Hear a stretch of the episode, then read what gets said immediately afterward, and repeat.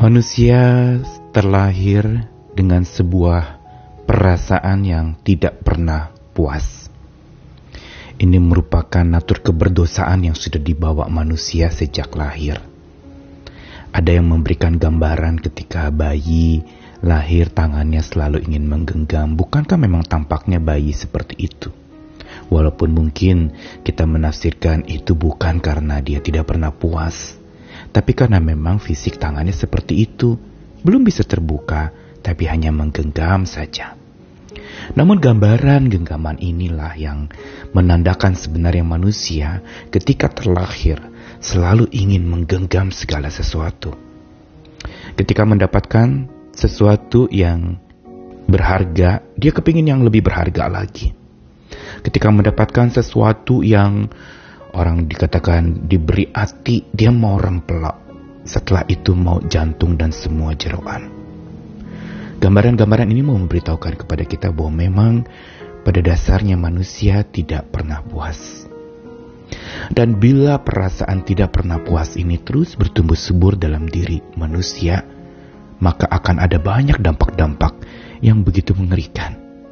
Menjadi serakah, tamak, menjadi pelit, kikir, setengah mati, dan tidak lagi berpikir untuk memberi, menolong, membantu mereka yang sedang membutuhkan. Dan begitu pula di dalam segala upaya-upaya pekerjaan seseorang yang tidak pernah puas, dia akan terus meraih yang tertinggi, tertinggi, tertinggi. Mendapatkan pendapatan yang terbanyak, terbanyak, terbanyak. Bahkan walaupun kebutuhannya sudah terisi, sudah terpenuhi, masih mau lagi, masih mau lagi. Akhirnya menjadi begitu serakah dan tamak.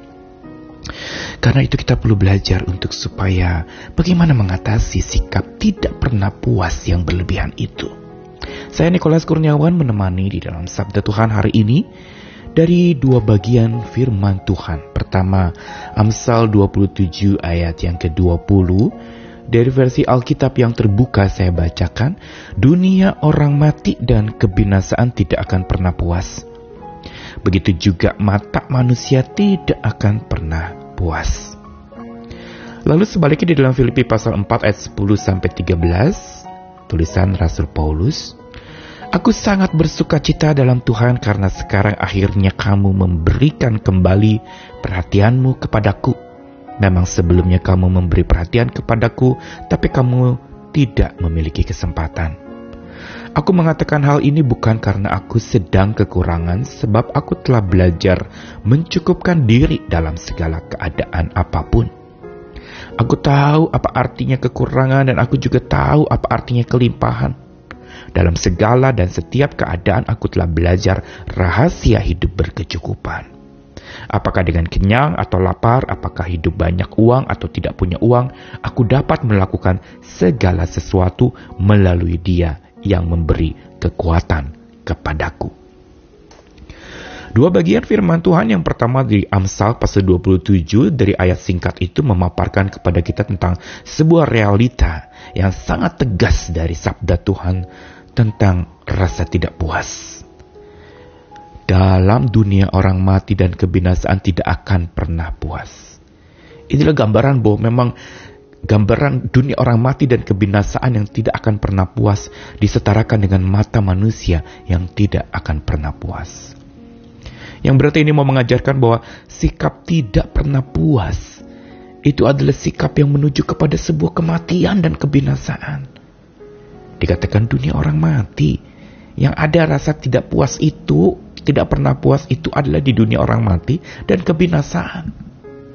Dan itu yang mau digambarkan betapa mata manusia dengan segala kedagingannya dan hasratnya yang begitu tinggi, keinginan yang terus tidak pernah mau puas dipenuhi, penuhi lagi, minta lagi, minta lagi. Dan akhirnya serakah, meraup semuanya, menggenggam segalanya, dan ingin memiliki semuanya. Peringatan di Amsal 27 ayat 20 sudah cukup untuk memberitahu kepada kita untuk berhati-hati. Mata kita tidak akan pernah puas Apa pun sikap kita, perasaan tidak pernah puas itu sering kali mendominasi. Tapi mari belajar dari Rasul Paulus dalam Filipi pasal 4 yang justru dia baru saja menerima pemberian menurut catatan, pemberian dari orang-orang yang memperhatikan dia dengan pemberian berupa makanan, minuman, dan segala kebutuhan Saat itu Rasul Paulus mengatakan aku sangat bersuka cita. Dia lalu kemudian mengatakan perhatianmu, pemberianmu itu sudah saya terima kira-kira begitu Paulus mengatakan. Tetapi dia mengatakan lagi, aku mengatakan ini bersuka cita bukan karena aku sedang kekurangan. Sebab aku telah belajar cukupkan diri dalam keadaan apa pun. Paulus menggambarkan bagaimana dia tahu apa artinya kekurangan, dia tahu apa artinya kelimpahan. Dalam segala dan setiap keadaan, dia telah belajar ini dia rahasia hidup berkecukupan. Entah kenyang atau lapar, hidup banyak uang atau tidak punya uang, dia gambarkan bahwa cukup itu menjadi kata penting di dalam syukur kita kepada Tuhan. Mencukupkan diri dengan apa yang Tuhan berikan. Kenyang atau lapar itu sangat relatif. Banyak uang dan tidak punya uang itu juga relatif. Tetapi kalau kita mau mencukupkan diri kita bisa. Bila di dalam hati kita, di lubuk hati kita, di dasar lubuk hati kita, terdapat sebuah hati yang selalu mau bersyukur. Pelajaran hari ini mau beritahu pada dasarnya manusia memang tidak pernah puas akan segala sesuatu yang ada di dalam hidupnya. Namun, bila rasa syukur itu tinggal tetap di dasar lubuk hati manusia, rasa tidak puas baru bisa berganti, berubah jadi rasa berkecukupan. Sikap mencukupkan diri dengan apa yang ada. Itu yang membuat limpah sujud syukur menjadi makin terlantunkan kepada Tuhan.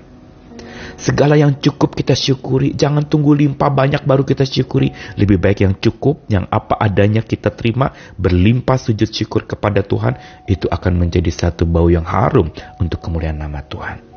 Mari kita belajar bersyukur, belajar mencukupkan diri dengan apa yang ada, dan hati-hati sikap tidak pernah puas kita perlu atasi dengan bijak oleh kekuatan Tuhan yang selalu mencukupkan apa yang kita perlukan.